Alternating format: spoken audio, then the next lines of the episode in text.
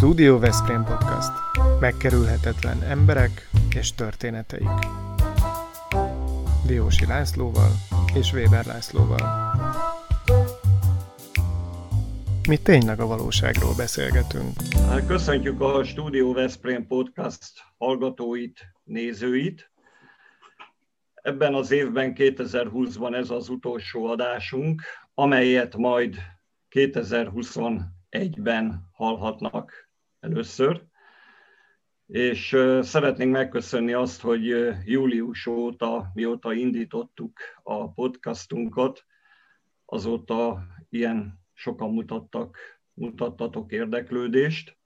Most már közel 30 epizódot lehet meghallgatni, megnézni, és a visszajelzések alapján úgy tűnik, hogy sokak érdeklődését váltotta ki, sok követőnk lett.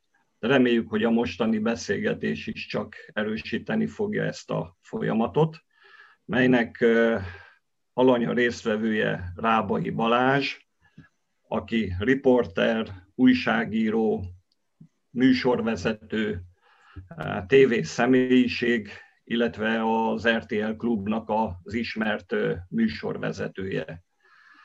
Köszöntünk Balázs, köszönjük, hogy eljöttél hozzánk, így virtuálisan. Köszöntök én is minden résztvevőt, és mindenkit, aki figyel ránk, és először is szeretnék mindenképpen gratulálni ehhez az ötlethez, a kivitelezéshez. Szerintem ez a jövő. Hát nagyon sokan podcastot hallgatnak, most már főleg a fiatalabbak körében, és úgy gondoltuk, hogy ismert személyiségekkel történő beszélgetés az felkeltheti az érdeklődést. Te is ezek közé tartozol. Még megboldogult polgármester koromból ismerlek téged már évtizedek óta, és emlékeimben, mivel hogy elég régen találkoztunk így személyesen, úgy maradtál meg, mint aki mindig egy ilyen nagyon nyugodt, kedves, visszafogott, udvarias ember, akit, akit nem lehet kizökkenteni abból, amit csinál. Ilyen maradtál? Van valami olyasmi, amivel föl lehet téged egyáltalán idegesíteni? Én azt remélem, hogy ilyen maradtam. Ma már fel lehet idegesíteni jó néhány dologgal, és fel is idegesítem magam jó néhány dologgal elég időnként csak televíziót nézni, más csatornákat. Nyilván az RTL-el szemben is azért persze kritikus vagyok, de, de mondjuk az újságírás helyzete az azért, azért fel tud idegesíteni. No, el fogunk ide is jutni majd a beszélgetés során, hogy a média viszonyokról váltsunk pár szót, de azért induljunk el a kájhától hogy te ugye Veszprémben jártál középiskolába, és aztán a Szegedi Egyetemen végeztél, azt követően a Veszprém TV-nél voltál szerkesztő, és ki gondolta volna akkor, hogy el fogsz jutni majd az egyik legnézettebb kereskedelmi tévéhez, mint műsorvezető, szerkesztő, riporter. Akkor tájt mindenképpen az volt a célod és az elképzelésed, hogy az újságíró szakma lesz majd valójában a tiéd, amikor a Veszprém TV-nél voltál? Én arra emlékszem, hogy már úgy középiskolás koromban olvasva a Veszprémi naplót, vagy Veszprém megyei naplót, és nézve a televízió műsorokat, akkor én még csak arra gondoltam, hogy szeretnék ezzel foglalkozni. Nekem nem voltak ilyen nagyra tölő álmaim, hogy mindenképpen Budapestre kerüljek, mindenképpen a legnagyobb televízióba kerüljek. Én szerettem volna kitanulni ezt a mesterséget, kihagytad a sorból, Laci, a Jam Rádiót egykor Veszprémben. Én azért Mészáros Zolihoz kopogtattam be, nem is tudom, 93-ban, és ő adott először lehetőséget arra, hogy kipróbálja magam. Miért van, miért van ez, hogy nincsen olyan beszélgető partnerünk, aki a Mészáros Zolit ne idézné fel, ne hivatkozna rá, és a te esetedben is így van. De ennek örülünk. Abszolút. Igen, és én is nagyon örültem, hogy, hogy lehetőséget adott egy teljesen újoncnak, és ugye akkor még milyen időket éltünk, a Jam Rádió egy kábel rádió volt, tehát akkor még frekvenciája sem volt, a Veszprémi TV képújságja alatt ment a rádió, viszont a legjobb volt ott kipróbálni az embernek magát, hogy milyen a hangja, tud-e beszélni, tud-e hangsúlyozni, és én ilyen szempontból nagyon sokat köszönhetek a Mészáros Szóval nem voltak ilyen nagyra tölő vágyaim, viszont azok közé tartozhattam, akik kipróbálhatták magukat a helyi sajtóban, aztán a helyi ö, ö, rádió után a televízióban, és végigjárhattam ezeket a lépcsőfokokat, aztán mehettem a körzeti stúdióba Szombathelyre, körzeti rádióba Győrbe, és, és, és, és nagyon izgalmas volt kicsit riporternek lenni, kicsit, nem tudom, kameraállványt is cipelni, és a háttérben maradni, és aztán újabb és újabb lehetőségeket kapni, és ezeket a lépcsőfokokat kijárni. De is abban az időben volt azért valamilyen, éreztél valamilyen nyomást a tekintetben, hogy most mik az elvárások a közszereplők részéről a médiában, a, megjelenésben, tehát mennyire volt ez tapasztalható? Nem, én azon szerencsések közé tartozhatom, vagy lehet, hogy az én karakterem ilyen, hogy a politikusok sem fogalmaztak meg számomra elvárásokat, hogy mit nem kérdezhetek meg, mit kérdezhetek meg, és legyünk ilyen szempontból önkritikusok. Nem egyszer dolgoztunk ugye együtt, vagy az újság miatt, vagy a televízió miatt Veszprémben, és én őszinte lennék most, hogyha most kritikát kellene Nyugodtan mondjad, kritizálhatsz engem most már. Hogyha... Én, abszolút, én azt hiszem, hogy egy őszinte típusú ember vagyok, és, és soha te sem mondtál olyat, hogy mit nem kérdezhetek meg, vagy feltétlen mit kérdezzek meg. Azt remélem, hogy te is érezted azt, hogy talán én az vagyok, akinek ilyet nem lehet mondani, de hát akkor még egy másik időszakot éltünk akkor nyugodtan lehetett kérdezni. Nyugodtan a sajtó az kritikusként viselkedhetett, ami a sajtó feladata, hogy legyen kritikus, kérdezze meg, amit egy néző vagy hallgató megkérdezne. Hát ma már teljesen más világot élünk, de jó lenne, hogyha ma is azokat a vagy abban a stílusban működhetne, vagy tartalommal működhetne a sajtó. Igen, Balázs. Nem fogalmaztál meg te sem ilyen elvárásokat, Aha. és én sem tettem volna eleget ilyen elvárásnak. Van egy ilyen mondás, szerintem biztos, hogy ismered, Mike Wallace-nak egy gyakran idézett mondása, hogy nincs olyan, hogy indiszkrét kérdés.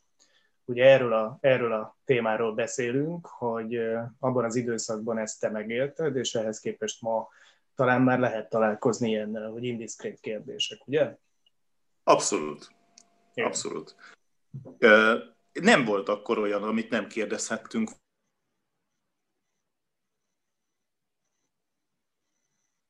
Nézők, hallgatók a lehető legtöbb számukra érdekes témára. Illetve hát voltak így visszaemlékezéseim szerint viták a televízióban, a, ahol az eltérő véleményeket lehetett ütköztetni. Behívtátok műsorba az ellenzéki képviselőket is, akik elmondták a véleményüket, és nem furcsa egy kicsit a mai világban, hogy ez most már ilyen unikális dolognak tűnik, hogy jé, ilyen volt valamikor, vagy ez így működött. Na hát pontosan ez az az egyik dolog, amin én felbosszantom magam. Amikor az RTL elindította 2015-ben a Baló műsorát, ami egy klasszikus vitaműsor lett volna, eh, egészen elképesztő, hogy, hogy nem lehetett a Baló műsorvezetésével sem vita műsorokat rendezni, mert nem jöttek be a, a kormánypárti, vagy éppen az ellenzéki politikus a kormánypártival. Egészen nagy rém. És ezt 90-es években simán meg lehetett csinálni, vagy még a 2000, es évek első felében. És ma már, ma már ezt nem lehet megtenni. Egy baló nem érte el azt, vagy nem tudta elérni azt, hogy, hogy leüljenek egymással vitatkozni emberek. Egyik vagy a másik oldal azt mondta, hogy rendben, kíváncsi vagyok a másik oldal véleményére, de nem ülök le vele egy asztalhoz. Ez elképzelhetetlen volt a 90-es években. A Baló egyébként minta volt a számodra olyan újságíró, aki, akit követni lehetett? Akitől rengeteget lehetett tanulni, és óriási szerencsém volt hogy egykor az MTV-ben dolgozhattunk együtt, még az Este című műsorban, Krizsó Szilvia elment szülési szabadságra, és a Baló ugrott be helyére, és én azt gondoltam, hogy ott lesz a, a nagy ember, a mester, aki mindent tud a szakmáról, és ott leszek én az újonc, hát 2006-ot írtunk ekkor, hogy fog ez a kettő működni? Attól rettegtem, hogy milyen lesz a baló nézettsége, és milyen lesz az én általam vezetett műsorok nézettsége és aztán a baló nyugtatott meg, hogy hagyjad már, engedd el, és megnéztük a számokat, szerencsére teljesen jól alakultak. Tehát ott volt a, a mester és az újonc, működőképes volt, hála Isten. Utána a Kossuth Rádióban tudtunk együtt dolgozni, a 180 percben, óriási szerencse volt, hogy egyik nap én vezettem három órás reggeli műsort, másnap a Baló vezetett három órás reggeli műsort, és aztán tudtunk együtt dolgozni a, az RTL klubon. Ráadásul ott ugye már azért az utolsó években persze betegeskedett, és volt is egy hónap, amikor kiszállt. Engem kért meg, hogy Millenbe ugornék néhány hétre. És aztán három kollégával csináltuk, tehát semmiképpen nem akartam én sem egy személyben helyettesíteni a balót, nem is lehetett volna, de, de rettentő jól esett, hogy engem is megkérdezett, hogy vállalnám el. Van még olyan újságíró, aki példa lehet előtted, akit olyannak tekintettél, hogy követhető? Én azt remélem, hogy nagyon sokan emlékeznek mondjuk Acél Annára, aki az egyik legszebben beszélő bemondó volt egykor, és aztán a híradónál tudtunk dolgozni, tőle pedig a beszéddel kapcsolatos ismereteimet tudtam bővíteni. Ma már ez, ez sincs. Ma már gyakorlatilag nincs a háttérben beszédtechnikusi segítség a fiatalok számára. Látjuk is az eredményt. Milyen jó volt, hogy Acélannával lehetett együtt dolgozni. De aztán nekem voltak tanárok, ugye az egyetemen Havas Henrik például, de tanított Forró Evelin, vagy Szegvári Katalin, Bétót László órájára is el tudtunk menni, Fodor János órájába is bele tudtam hallgatni. Ez így együtt volt olyan, ami, ami talán kialakította azt, amilyen ma vagyok. Semmiképpen nem valami harsány, de, de nem is titkolom a véleményemet, legalábbis a háttérben én azért a szakmával kapcsolatos véleményemet mindenképpen elmondom. A fiatalos képed ellenére nem haragszol, hogy ezt mondom, most már te is úgy középkorúnak számítasz lassan. Beleöregettem ebbe a szakmába, mindig azt mondtam, hogy 20 évesen az ember nevezessen fél nyolcos híradót, és aztán hát most már beleöregettem, akár fél nyolcas iradót is el lehet nevezni. De hát, de hát Balázs a felé, fe, fele még vissza van, 80-90 éves korig Amerikában ezt csinálják, még baj. Így van, sőt, ilyenkor kezdődik így a 40-es évek második felébe kezdődik Amerikában a, az igazi újságíró élet, és aztán 40 évig képernyőn lehet lenni. Így Ez borzasztó egyébként a magyar médiában, hogy 20 évesek, persze örülök neki, hogy én is 20 évesen lehetőséget kaptam, de ez az erőszakos fiatalítás, ez, ez is hozzájárult, hozzájárult ahhoz, hogy ma olyan a magyar média, amilyen. A tapasztalt nagy öregek kiestek, vagy legalábbis sokkal kevesebb lehetőséget kaptak, az újoncok pedig ehhez a feladathoz még nem tudtak felnőni. Talán ma már van egy olyan generáció, amely képes erre, vagy a háttérben vannak olyan tanáraink, akikre azért felnézhettünk, tanultuk tőlük, és, és ma tudjuk azt a, az ismeretet továbbadni, vagy felhasználni, azt szerint dolgozni, de, de ez szerintem baromira hiányzik, és igen, Amerikában a 80 éves, őszhajú, esetleg kopasz, kövér kolléga táskás szemekkel, az ugyanúgy lehetőséget kap, sőt, hát ő sőt, az igazán hiteles. Mértékadó, mértékadó személy. Így van. Mondani, igen. És a leghitelesebb. Hát, hát nehogy már a 26 éves valaki legyen hiteles, vagy képzelje magáról azt, hogy ő hiteles lehet és mindent tud.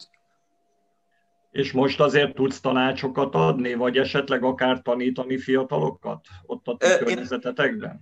Az egyetemen, az egykori egyetemen Szeged visszahívott, és én nem is tudom, három évig, ha jól emlékszem, három évig tartottam órákat, vizsgáztattam is, szakdolgozatokat is, hát segítettem az írásában, de rá kellett jönnöm arra, hogy, hogy hogy is mondjam, szóval az, az, ha a fiatalokat csak az vezeti, hogy mikrofon mögé vagy kamera elé állhasson, az kevés. És ez borzasztó volt, hogy, hogy olyan fokú tárgyi ismeret hiányjal találkoztam, aminél én azt mondtam, hogy így, így nem érdemes. Hogyha az alapok hiányoznak, akkor, akkor nem biztos, hogy én alkalmas vagyok arra, hogy tanítsak. A Havas annak idején úgy kezdte az órákat, hogy azt kérdezte meg reggel, hogy mi van a mai Népszabadság címlapján, mai Pesti Hírlap címlapján, akkor még ilyen is volt, a mai Népszava címlapján is, ha nem tudtunk erre válaszolni, kiküldött az óráról. Hát ha én ezt megkérdeztem a diákoktól pár évvel ezelőtt, hogy mit olvastak ma a Népszabadság címlapján, vagy éppen az Index címlapján reggel 8 órakor mi volt a főhír, senki nem tudott erre válaszolni. Én pedig erre azt mondtam egy idő után, hogy akkor mi értelme van ezt csinálni. Uh-huh. És hát akkor az eléggé lehangoló ez a kép, amit festesz volt a képen. Hát nem, nem túl örömteli, hogy ilyen állapotokat lehet tapasztalni már, ami a színvonalat, képzettséget. Én azért nem gondolom, hogy ezzel újat mondtam nektek. Nem, nem, de inkább a politikai vetületek szoktak előtérbe kerülni, és minden a politika oldaláról közelíthető meg. Nyilván érzékelhető, hogy a, a vazallus újságírás az mit csinál az adott... Azt ne nevezzük újságírásnak, én ezzel mindig Igen. vitatkozom. Azt mondjuk ki, hogy ők a propaganda, propaganda sajtó részei, vagy a pártpropagandát képviselik, vagy azt szolgálják ki, de én újságírónak nem nevezném őket, és nem azért, mert nincs ott barátom vagy ismerősöm, egyszerűen ők más feladatot végeznek. Uh-huh. Igen. No, belecsaptunk azért a lecsóba, a közepébe, de ne feledjük el, hogy te jó néhány évet lehúztál a Magyar Televízió híradójánál, mint műsorvezető, és aztán történt egy idő után egy átszervezés ugye, az MTV a részéről, ahol, ahol aztán megváltak tőled. Így van, akkor ugye már a Kossuth Rádiónál dolgoztam, de hát végül is ez, ez mai szemmel nézve hát egy, egy kalap alá esik. Igen, 2011-et írtunk, amikor befejeződött a Magyar Uniós elnökség, és két-három nappal később belecsaptak a lecsóba a döntéshozók, és kirúgtak nem kevés kollégát a rádióból. Egyébként zárójelben megjegyzem, hogy engem azért megkérdeztek eh, főnökeim, hogy Balázs, maradhatsz egyébként, hogyha úgy érzed, csak lennének elvárások. És én azt kérdeztem meg, hogy és kik maradnak én körülöttem, akikkel akkor együtt dolgoztam, és kiderült, hogy senki akkor pedig én azt mondtam, akkor miért maradjak. Úgyhogy így aztán 2001, 2011 nyarán vesztettem el a rádiós állásomat, amit én akkor sem bántam ilyen értelemben, és visszatekintve az elmúlt kilenc év történéseire azt mondom, hogy hát ez így volt rendjén. Hát ebben a mai magyar televízióban, magyar rádióban szerintem nekem nem lenne. És akkor, és akkor igen egy vettél egy mély levegőt, és úgy gondoltad, hogy pár ezer kilométerre elhúzol egy kicsit relaxálni? Jobbnak éreztem, hogy ha egy kicsit ebből a magyar média világból kiszállok, én nem is láttam lehetőséget arra, hogy, hogy itt olyan munkát találjak, ahol, ahol én megfelelő körülmények között tudom végezni a feladatom. Én, hogy is mondjam, nem voltam csalódott, és nem voltam, nem voltam ilyen kedveszeget partvonalra kirúgott vagy kiejtett újságíró, tehát nem így kell elképzelni. Láttam azt, hogy most milyen évek következhetnek, vagy legalábbis sejtettem, hogy milyen évek következhetnek, és azt gondoltam, hogy itt nincs helyen. És akkor én mindig gondba voltam azzal, hogy az angollal nem eléggé foglalkoztam, vagy legalábbis az idegen nyelv tudásom az, az nem a legjobban alakult, és azt gondoltam, hogy akkor, akkor most pár hónapot ezzel foglalkoznék kifejezetten. Mehettem volna Amerikába, de ott mondjuk nehezebb a munkavállalás, még diákvízummal is. Mehettem volna Kanadába, ott mondjuk hideg van. És akkor így jött, hogy hova lehetne igazán menni, ahol angolul is lehet tanulni, jó idő is van, és aztán Ausztráliára esett a választás. És így volt fél év Ausztrália. Mhm. Fél évig voltam kint, és tényleg nyelviskolába mentem, és ott tanultam, és mellette persze dolgozni kellett. Hát azért mégiscsak elő kell teremteni annak a költségeit. És egyrészt én nagyon jól éreztem magam az iskolában, rengeteget fejlődött a nyelvismeretem, és mellette pedig Szóval az, aki ahhoz szokott hozzá, hogy nem tudom, a médiában dolgozik, felismerik, az jó, hogyha időnként visszaesik a, a földre. És ott én lakásokat takarítottam, mosogattam étteremben, szóval fél év alatt nagyjából ez a kettő olyan feladat volt, ami, ami nekem jutott, illetve hát az összes iskolatársam ezzel tudott foglalkozni, és ez jó tanuló idő volt arra, hogy, hogy az ember tudja azt, hogy nem csak a csillogás és a stúdió van, hanem egészen más feladatok is lehetnek. És ezzel megint azt mondom, hogy semmi baj nem volt, rengeteget tanultam. Néztél tévét is, újságot is ilyen szemmel? Persze, néztem az Ausztrál tévéket, egyébként borzalmas volt egészen elképesztő. Tehát az Ausztrál az, az valahogy úgy él, hogy ha esik az eső, akkor azért nem csinál semmit, és azért csak lógatja a lábát otthon, ha pedig napsütés van, akkor azért nem csinál semmit. Nagyjából a tévéműsorok is ilyennek voltak, bárgyú beszélgetések, közepes filmek, de az Ausztrál így boldog, és, és ezzel önmagában semmi baj nincs, csak, csak nem azt mondom, hogy egy jó vitaműsor láthatott az ember az Ausztrál tévében. De arra megint csak jó volt, hogy az ember kifejezetten angol tévéket nézett, tehát a nyelvismeret így is tudott gazdagodni. Balázs, visszajöttél, visszajöttél, és hogyan kerültél akkor az RTL közelébe? Én euh, még Ausztráliában voltam, amikor már a visszafelé útra a repülőjegy megvolt, amikor egyszer csak Pozsonyi Közszolgálati Rádióból hívott egy kollégám, akivel a Kossuth Rádióban dolgoztunk együtt, hogy mit szólnék, hogyha a szlovák közszolgálati rádióhoz mennék dolgozni, és a magyar adásnál dolgoznék. És azt mondtam, hogy ez egy tök jó lehetőség, hogy megnézzem, hogy milyen a, a szlovák közszolgálati rádió. És aztán négy hónapot én ott dolgoztam valóban, tehát hazajöttem Brisbaneből, és utána költöztem Pozsonyba és nagyon érdekes volt.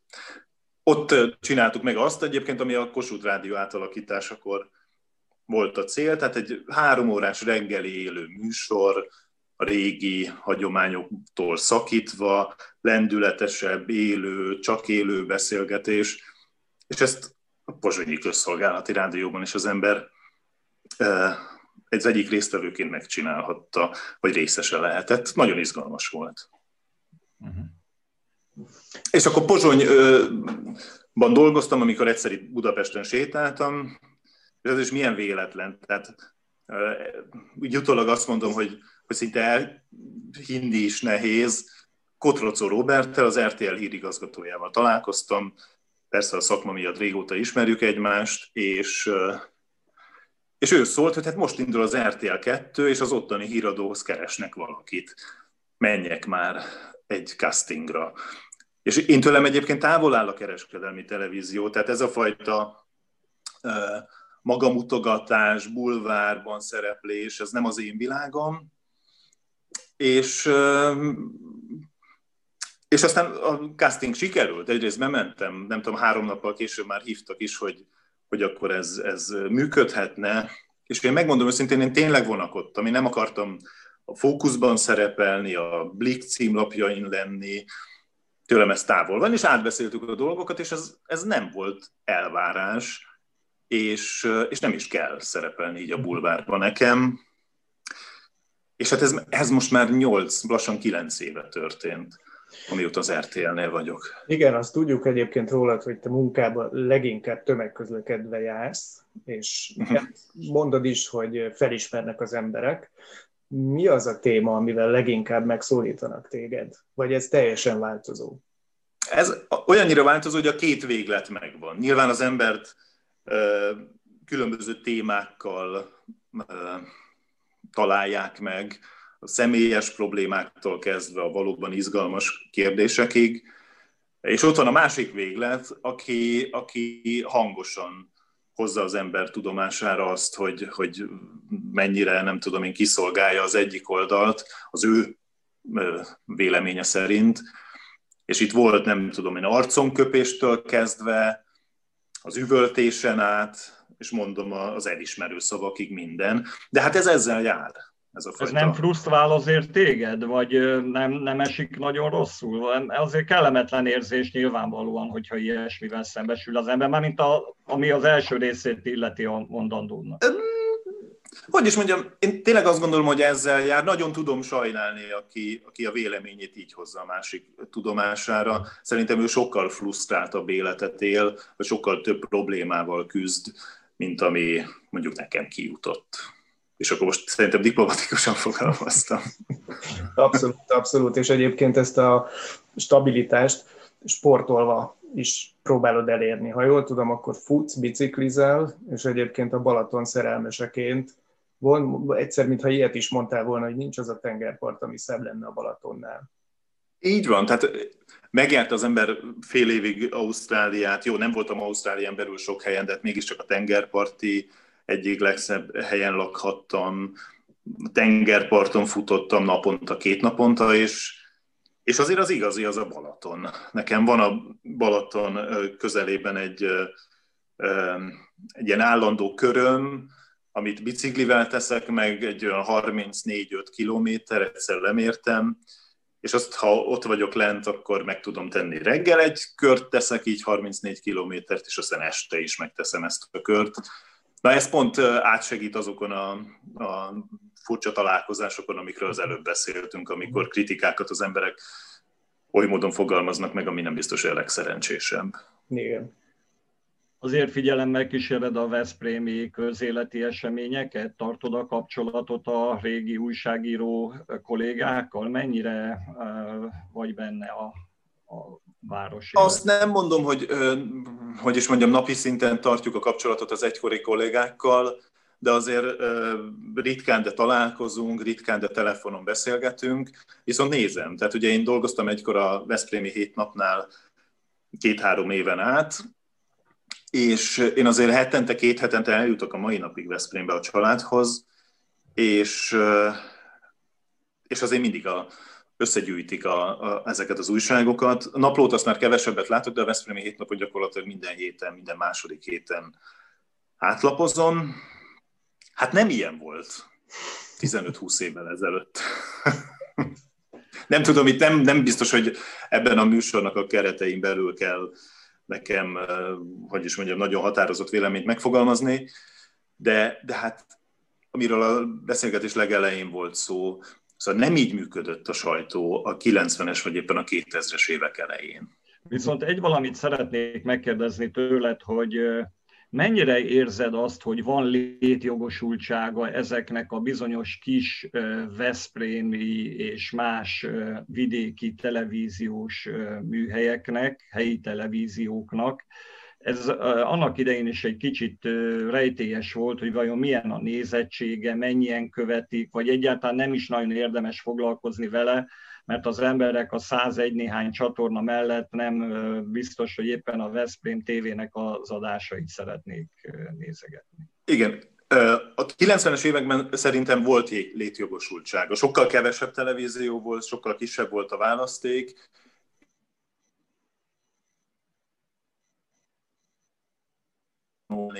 a nézőknek pedig nem volt annyi csatornájuk, amit között választhattak, és szerintem tartalmilag is érdekes volt nézni. Ma már teljesen más a helyzet. Egyrészt, mert rengeteg csatorna van, másrészt a televíziók azért én szerintem önmagában a televíziók háttér, vagy a televíziózás háttérbe szorul. Ma már a podcastok és a YouTube és az influencerek világában ez már egészen más, mást jelent.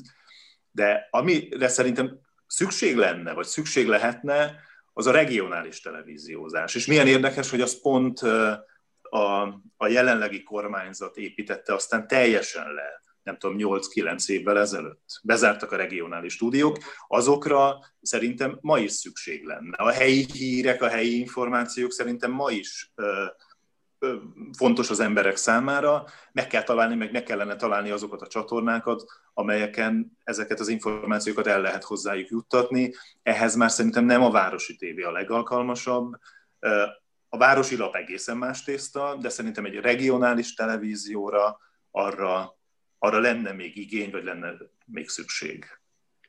A múltkor készítettem egy kis hevenyészet, nem igazán autentikus módon megvalósított közvéleménykutatást a családi körünkbe, hogy a fiatalok közül kik azok, akik tévét néznek. Most lehet, hogy egy kicsit furcsán fest, hogy az RTL-nek a, az egyik fölkent szerkesztőjének mondom ezt, hogy képzeld el, hogy tízből hat egyáltalán nem rendelkezik televízióval. Így van. Nekem ugyanez a tapasztalatom. Ha csak azt nézem, hogy, hogy az embert ki vagy kik ismerik fel az utcán, én azt szoktam mondani, hogy 25 alatt már senki, mondjuk 25-35 év között 10-ből esetleg 5-nek valahogy az arcom rémlik, 35 fölött még néznek televíziót, 25 alatt már abszolút nem. Úgyhogy én ezzel a statisztikával nagyjából egyetértek, én is ezzel találkozom. És hát ezt követnie kellene persze majd a televíziózásnak is, vagy helyel közel követi. Én például azzal is kritikus vagyok, hogy egy ilyenfajta híradóra, mint ami az RTL-en készül, különböző műsorok között esténként szükség van-e fél vagy háromnegyed órás híradóra, ez még egy nagy, nagy ajándék, hogy ez még lehet, vagy működhet. Ez lehet, hogy éppen a mai magyar média berendezkedésnek köszönhető, hogy ezt még ilyen sokan nézik az RTL-en. Szerintem ez tíz év múlva már nem így lesz. Szerintem tíz év múlva már ilyen klasszikus híradóra nem vagyok benne biztos, hogy szükség lesz. Mondjuk egy normális hírtévére, tehát egy 24 órás hírcsatornára Magyarországon is szükség lehet, de hát annak máshogy kellene kinézni, mint a mai két hírcsatorna Magyarországon. De jól érzed magad most a bőrödben, tetszik, amit csinálsz, úgy látom, hogy kiegyensúlyozott is vagy, amellett, hogy markánsan nyilván véleményt nyilvánítasz a média helyzettel, meg egyáltalán talán akár a politikával kapcsolatban. Milyen terveid vannak a jövőt illetően? A média vonal marad, vagy mással is foglalkozol azért, újságírással, úgy értem? Én ez a régi vágású tévés vagyok, aki, aki nem gondolom, hogy én, hogy is mondjam, bele kellene, hogy vágjon a televíziózáson belül más műsorokba, de én azt remélem, hogy még lehet, mondom, hogyha nem is ilyen keretek között, mint hogy most az RTL-en van ez a híradó, de én azt remélem, hogy még a következő 10 vagy 20 évben is tudok hírműsorokban részt venni. Nekem nem az a vágyam, hogy előtérben is képernyőn legyek, de hogy egy tartalmilag kiegyensúlyozott, elfogó, a szakma alapszabályai szerint működő hírműsor készítésében vegyek részt, azt én, azt én nem tagadom, én nagyon szeretném, de hát ez a mai Magyarország eléggé kiszámíthatatlan ilyen téren. Szóval mondjuk szerintem egy jó köztévére, egészen más keretek között még szükség lehet, és azon belül egy jó híradóra szükség lehet, hogy a következő évek hogy alakulnak, az persze teljesen kiszámíthatatlan de, de én magam a televízión belül, vagy a, ezen belül a hírműsorok készítésével kapcsolatban tudom elképzelni az én helyemet, ha egyáltalán még az ember újságíróként dolgozik, vagy dolgozhat mondjuk 10-20 év múlva. És akinek megvan a véleménye a világ, az ország dolgairól, a közéletről, nap mint nap hírekkel találkozol, azt nem kísértette még, vagyis téged nem kísértett még meg mondjuk a politikának a szelleme, ahol esetleg úgy gondolná az ember, hogy lehet is valamit tenni annak érdekében, hogy változzon a világ? Nem, ha arra kérdezel rá, hogy politikusi pálya az vonz, akkor egyértelműen azt mondom, hogy nem azt remélem, hogy újságíróként is sok mindent meg lehet ennek érdekében tenni. Nyilván lehetne ennél sokkal többet is, mint amennyit én most teszek, de szerintem egy független, objektív hírműsornál dolgozni, a mai magyar valóságról tudósítani, amennyire csak lehet, az, az legalább olyan hatékony tud lenni, mint politikusnak lenni a mai Magyarországon. Tehát akkor nem lennél mondjuk polgármester jelölt Veszprémbe, hogyha az összes ellenzéki párt azt mondaná, hogy Balázs, te egy ismert arc vagy, régóta ismerünk téged, megállnád a helyed a politikában is, na vállalj el egy polgármester jelöltséget.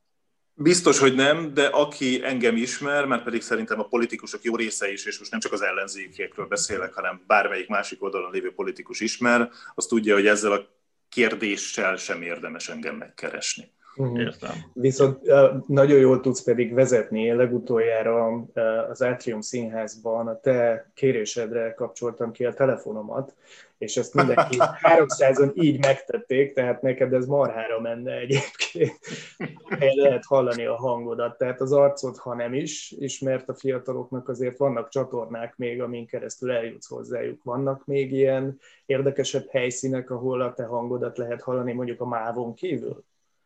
Hát igen, ez jutott eszembe, hogy még a vasútállomás, az az Átrium Színház, ez egy viszonylag új dolog, nem tudom, két éve kerestek meg, és a napokban frissíteni kellett, vagy néhány hónappal ezelőtt frissíteni kellett a szöveget, és most az is bekerült például, csak így vicc kedvéért mondom el, hogyha üzentem a nézőknek, hogyha zörgő műanyag zacskós cukorkát most szeretnének kibontani, akkor ezt Pontosan. most tegyék meg. Igen, igen, igen. Ez, De már mostanában volt ez. Hallottam, igen, igen, ez néhány igen, és ez volt. kiderült, hogy valahol Londonban egy bevett gyakorlat ez a szöveg, és, és egyszer voltam azóta az átriumban, és, és azt vettem észre, hogy a közönség is jó, jó nevetett Abszolút. ezen a igen, formulán, de tényleg ez így, ez így vicces hangzik. Nem, a mávnál vagyok még, de szerintem bőven elég egyébként az én hangomból, szóval nem gondolom, hogy más babirokra kellene törni. Hát ez a mávos dolog is már 98-99-ben indult el, tehát most már bőven megérett a, az idő arra, hogy már ott is lecseréljék a hangomat és akkor egy jó kis jogdíjat kapsz minden vasútállomástól, amelyik, amelyiknél a hangodat lehet hallani. Hát ez egy egész jó buli akkor. Igen, azután kapok jogdíjat, hogy mennyit nem késik a vonat. Engem egy ismerő már egy hogy késésbe mondó. Ezt talán. Igen, ez jó. Na de akkor te ö, odafigyelsz arra, hogy időben mindenhova elérjél, és ha jól tudom, akkor a, a zöld autózás az egyik fontos dolog az életedben, meg a megújuló energia használat, meg egyáltalán a környezetvédelem. Ez nekem szívem csücske, mint volt környezetvédelmi állami vezetői. Úgyhogy hogyan kerültél kapcsolatba ezzel? Igen, és ez nem is egy ilyen új hóbort, tehát nem a mai divat hullámra ültem rá. Hát most már nem is tudom, lassan négy éve vettem az első zöld rendszámos autót, plug-in hibridet. Egyrészt érdekelt, hogy hogy működik, milyen, és hát nem beszélve arról, hogy én rettenetesnek látom azt, hogy szennyezzük a, a levegőt. Például az autókkal egyszerűen azt éreztem, hogy, hogy a magam eszközeivel, kis lehetőségeivel nekem is ezen változtatni kell. És ma már egy teljesen elektromos autóval járok, miközben egyébként én tényleg használom a BKV-t, tehát nekem nem mániám az, hogy autóban kell ülni, mert, mert 21. században csak így lehet közlekedni, de, de egyszerűen tényleg jól esik az, hogy úgy megyek végig a városon, vagy úgy megyek le a Balatonra, úgy megyek le Veszprémbe, hogy legalább én nem füstölök. És uh, én, hogy is mondjam, komoly vitákba keveredek, akár barátokkal is, mert azért mindig hallom azokat az érveket, hogy miért nem megoldás az elektromos autózás, és óriási vitákba keveredünk így barátokkal, és érvelek amellett, hogy, hogy legalább a belvárosban nem szennyezem a levegőt. Egyébként az olaj kitermelés, szállítás, feldolgozás is környezetszennyezéssel jár, nem csak az villamos energia előállítás, ugye ez szokott gyakori ellenérv lenni a zöldrendszámos vagy az elektromos autókkal, hogy hát az elektromos energia is miféle előállítása és miféle környezetszennyezéssel jár. Óriási lemaradásban vagyunk e tekintetben, tehát a fejekben is nagyon nagy zavar van, de mondom, a magam eszközeivel igyekszem ezen változtatni, segíteni, vagy a, a tudást egy kicsit bővíteni. Ezt jó hallani, én is zöld rendszámos autóval rendelkezek, illetve van egy elektromos robogóm is, nem tudom, hogy ilyennel jártál-e már. Tehát elektromos De én is akkumulátor. Figyelemmel kísérem itt a város, ugye Budapesten lehet már bérelni is ilyen automegosztókhoz hasonlóan motort is lehet így bérelni. Én is mindig terveztem, hogy kipróbálom. de, de olyan jó, hogy egyre több a zöldrendszámos autó, egyre több az autó megosztó, és azon belül az autók száma is. Elektromos motort lehet látni, nagyon sokan kerékpároznak Budapesten, és bővítik a kerékpárutakat. Szóval ez, ez azért olyan jó, hogy e tekintetben azért, azért van változás, vagy a zöldrendszámos autók támogatása, vagy a, az elektromos autó töltők számának bővítése. Nyilván nem azt mondom, hogy, hogy jól állunk e tekintetben, de nagyon sokat fejlődtünk szerintem az utóbbi években. Így van, ez kétségtelenül így van. És Balázs, osztod azt a véleményt, hogy nem lehet várni ezekkel a dolgokkal, mert ugye sokakban az van, hogy hát még ez azért nem olyan égető kérdés, ráérünk még ezzel. Ezen a 20 órában vagyunk, tegnap megtettük volna az összes szükséges lépést, már akkor elkéstünk volna, ma meg aztán főleg. De szerintem az az egyik legnagyobb probléma, hogy, hogy tényleg a fejekben nincs minden rendben. Ebben például a sajtón híradóban például elindult egy zöld hírek rovat, hangsúlyt helyezünk e témára, de hát például a koronavírus járvány nyilván ezt is szólította nálunk a híradóban is, de ahogy az életben is összességében. Hát egy évvel ezelőtt mennyit beszéltünk arról, hogy a klímaváltozás milyen károkat okoz, az elmúlt egy évben szinte Nem. ez feledésben ment. Igen. Igen.